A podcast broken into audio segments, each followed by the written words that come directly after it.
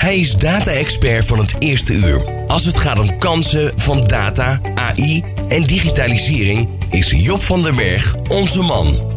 In Data Dinsdag neemt Job ondernemers mee in normale mensentaal. Na nog geen vijf minuten kun je verder met zijn praktische tips en tricks.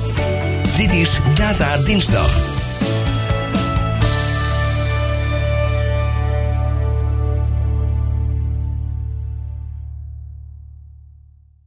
Inderdaad, in deze column wil ik het hebben over een datastrategie, want je hoort het veel.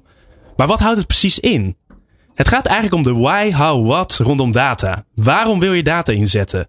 Hoe ga je dat aanpakken? Wat is er nodig en welke propositie oplossingen wil je op basis van data ontwikkelen en uitrollen? Veel bedrijven zetten vol in op het bedenken en uitrollen van een datastrategie. Echter, lang niet ieder bedrijf wordt blij van zijn databrei. Datastrategieën komen niet zelden beperkt van de grond, of er heerst toch een bepaalde ontevredenheid over de behaalde resultaten en de waarde die de data of bijvoorbeeld een AI-model heeft opgeleverd. Hoe komt dat toch? De stappen om tot een succesvolle datastrategie te komen worden vaak niet op de juiste manier gedaan. Vaak ziet het proces van het initiëren van een datastrategie tot executie er als volgt uit. Er is een sterke wens of behoefte vanuit de directie om met data aan de slag te gaan in een organisatie. En vaak wordt dan meestal de IT-afdeling gevraagd om op zoek te gaan naar de beste datasystemen. En die datasystemen zijn eigenlijk 9 van de 10 keer een customer data platform. Dat is een platform om klantdata geïntegreerd op te slaan op basis van first-party identifiers. Dus alles wat je weet van je klanten sla je gestructureerd op. Het tweede is activatietooling. En die gebruik je om datagedreven marketingcampagnes te kunnen uitvoeren. Vaak wordt ook gedacht aan een dashboardplatform om data te kunnen presenteren. Indien al niet aanwezig een cloudoplossing voor dataopslag. En ook tooling om AI en machine learning modellen te kunnen bouwen. Dit stappenplan wordt door 8 op de 10 bedrijven gevolgd, maar vaak leidt dit niet tot een bevredigend resultaat. Waarom niet? De business, bijvoorbeeld marketing en sales, wordt in dit stappenplan nauwelijks tot niet betrokken. Vaak hebben zij geen idee dat dit soort datatrajecten spelen. Daarnaast zijn de investeringen fors. Vaak wordt voor de Rolls-Royce gekozen, de duurste en beste tooling, want dan weet men zeker dat het het goed is. En het laatste, na het implementeren van de tooling blijven acties vaak uit. De denkfout die veel organisaties maken, is dat de tooling bijna automatisch waarde creëren. Je zet het aan en je profiteert meteen. Echter, een cloud, dashboard platform of customer data platform is niks waard als er geen business uitdaging eraan verweven is. Wat wil je bereiken en oplossen met welke data? En wie gaat dit doen? En vaak leidt dit traject tot een lastig gesprek met de CFO. Daarnaast voelt de business geen ownership en IT ziet een rol als voldaan nadat de tooling staat en daarna mag de organisatie het zelf uitzoeken. De vraag is, hoe moet het dan wel? Hoe kom je wel met de juiste stappen tot een datastrategie die tot blije gezichten leidt, zowel bij IT als de business? Ik heb daarvoor een stappenplan. En de eerste stap is defining data. Start altijd met een aantal werksessies met vertegenwoordigers vanuit IT, data, sales en marketing. Ga met elkaar in gesprek en beantwoord de vraag: wat zijn cruciale business-uitdagingen die we komende jaren moeten tackelen? Resultaat? Een lijst van businessvragen en hypothesen. Bijvoorbeeld, we willen de churn rate, percentage klant dat bij ons wegloopt, verlagen. Vervolgens bedenk je, wat kan invloed zijn op churn? Stap 2, collecting data. De businessvragen vertellen je welke data je nodig hebt om welke vraag te beantwoorden. Als het goed is weet je waar deze data in je organisatie liggen. Denk aan je CRM-base. Als blijkt dat je bepaalde data nog niet hebt, bedenk dan hoe je eraan kunt komen. Bijvoorbeeld klanttevredenheid, dat is van invloed op churn. Serveronderzoek kan in deze data helpen verzamelen. Stap 3, connecting data. Pas in deze stap ga je nadenken over systemen en hou je IT erbij en niet eerder. Weten welke data je nodig hebt voor welke toepassing brengt je tot de vraag welke datasystemen, AI-modellen en cloud-oplossingen heb ik nodig. Vaak blijkt in deze fase dat er helemaal niet een Rolls-Royce nodig is, maar dat de Volkswagen Golf qua tooling ook afdoende is. Stap 4. Monitoring data. Als je de data gekoppeld en ontsloten hebt, kun je een dashboard maken om de resultaten op een laagdrempelige manier te presenteren.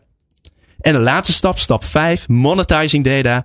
In deze fase ga je AI en machine learning modellen bouwen om de business uitdaging bepaald in stap 1 te kunnen beantwoorden en implementeren.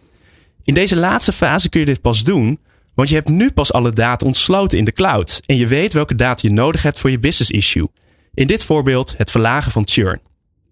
Kortom, laat niet het systeem je datastrategie bepalen, maar de business uitdaging. Business bepaalt data en niet andersom. Met dit stappenplan bouw je aan een datastrategie met support van de business en tooling die aansluit op jouw wensen. Jij blij, de business blij, de CFO blij. Succes! Wat een mooie voordracht weer, Job van den Berg van Bluefield Agency. En ik denk dat het heel goed aansluit ook op waar jullie mee bezig zijn, Wenke. Dat uh, uh, het, het onderzoek wat jullie uitvoeren met 60 vragen, Ja. ja, dat, is, dat is data puur zang. Ja, 100 procent. Ja. ja, en wat ik heel mooi vond is dat je het hebt over de why, how en de what. Dus eh, ook, ook als organisaties naar ons toe komen van, eh, so- soms zeggen ze wel eens van, wij willen de beste werkgever worden. Ja, waarom wil je dat? Wat speelt er dan nu? Wat heb je dan nodig? Wat weet je al en wat weet je nog niet? En hoe kan data je daarbij helpen? Dus dat, ja, 100 procent. Dus wij, wij verzamelen de data om inzicht te geven. Ja. Om van daaruit inderdaad de, de acties eh, uit te zetten. En te groeien als organisatie. Ja, En herken je ook die frictie die ik een beetje omschrijf tussen IT people, zeker. business people, Ja. data people? Ja, nou ja, het, het is ook wel interessant wat je zegt van het betrekken van mensen in de, eh, in, in, in, in de opdracht. Ehm, en dat is ook wat er bij HR denk ik soms wel eens misgaat. Dat er te veel over mensen wordt gesproken en te weinig met mensen. Dus mensen weten het allerbeste ehm, waar de problemen zitten. En wat er goed gaat en wat er niet goed gaat. En dat, is vaak, dat wordt vaak gewoon vergeten. En dan sla je eigenlijk de plank mis. Want dan ga je dingen onderzoeken die misschien helemaal niet relevant zijn voor je business. Ja. Ja. Het klinkt inderdaad altijd als een open deur, maar toch gaat, het, eh, Ja. toch gaat het mis. Soms Ja. ook, dat zie ik ook wel eens, gewoon uit pure enthousiasme en een bepaalde. Het moet nu gebeuren. Exact. Ja. Ja. En dat is denk ik ook misschien soms wel de ongeduldigheid van een ondernemer. Eh, ik ben zelf ook niet de meest geduldige persoon. heel eerlijk. Maar dan, eh, eh, dan, is er, eh, dan, dan wordt er heel veel gesproken over data. En ik, ik, ik hoor ze het al zeggen. We moeten iets met data. Ja. ja, wat moet je dan met data? En wat is dan op dit moment het probleem? Dus ik vond het wel heel mooi hoe je dat op deze manier zo kon Wat duiden. ik ook vaak hoor is, we hebben al heel veel data. Ja, ja, ja, en dan? Ja. Maar, en- maar ja, dan is, wordt het vaak niet helemaal duidelijk wat voor data Nee. dan precies er is in de organisatie. Nee. Ja, je precies. Als je ook? vraagt welke data zijn dat dan, dan komt men niet heel veel Ja. verder dan één of twee dingen te noemen. En, en inderdaad, ze weten wel van dat het goud, weet je, wordt ook heel veel gezegd natuurlijk in alle artikelen van data, het nieuwe, het nieuwe goud. Goud, ja. En, eh, ehm, maar dat is inderdaad een lastige om het ook dan te benoemen. Ook omdat het misschien juist te veel is. ja.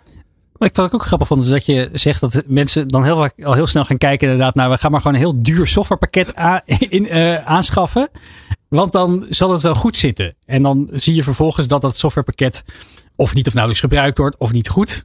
Hoe, wat, wat, zijn jouw ervaringen daarbij, Job? Ja, ik zie dat te vaak gebeuren inderdaad. Ik heb letterlijk een tijdje geleden ook een gesprek gehad met een organisatie. En die zei van, ja, inderdaad, we hebben een, een van de duurdere pakketten aangeschaft. Ja. En zeg van, joh, wat is de business case die eronder ligt? Ja, die moeten we dan nog gaan bedenken.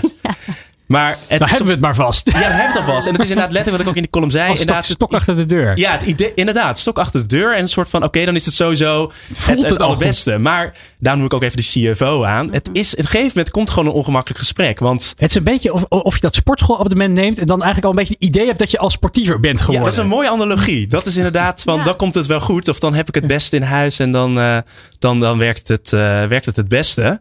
Wat zijn, wat zijn nou goede stappen die je zou kunnen nemen? Want eh, ik ken dus ook inderdaad bedrijven die hebben dan heel duur softwarepakket aangenomen. Vervolgens ook al, alle mensen getraind om het te gebruiken. En dan is het toch niet zo flexibel. Dus iedereen was weer teruggekomen op hun Google Sheet aanpak. Wat zijn nou stapjes die je kan nemen om inderdaad iedereen mee te krijgen hierin? Ja. workshops eigenlijk aan het begin. En dat klinkt een beetje als een dooddoener. Gaan weer mensen bij elkaar zetten. Maar dat werkt echt. En ook vooral, je merkt, het is voor een heel groot deel, en dat zul je denk ik ook herkennen, draagvlak. Ehm, alleen al zeg maar salesmensen of marketingmensen of andere business people, om het zo maar even te noemen, betrekken of aan sluiten bij die workshop, dan ben je al een heel stap verder. Want dan voelen ze gewoon onderdeel daarvan, hebben ze meegedacht en hebben ze ook een bepaalde mate van ownership. En wat je dan doet is eigenlijk, en daar helpt het wel vaak bij om dat een redelijk neutrale moderator bij te hebben die gewoon zegt van joh, wat speelt er nou? Wat speelt er bij jouw afdeling? Ja.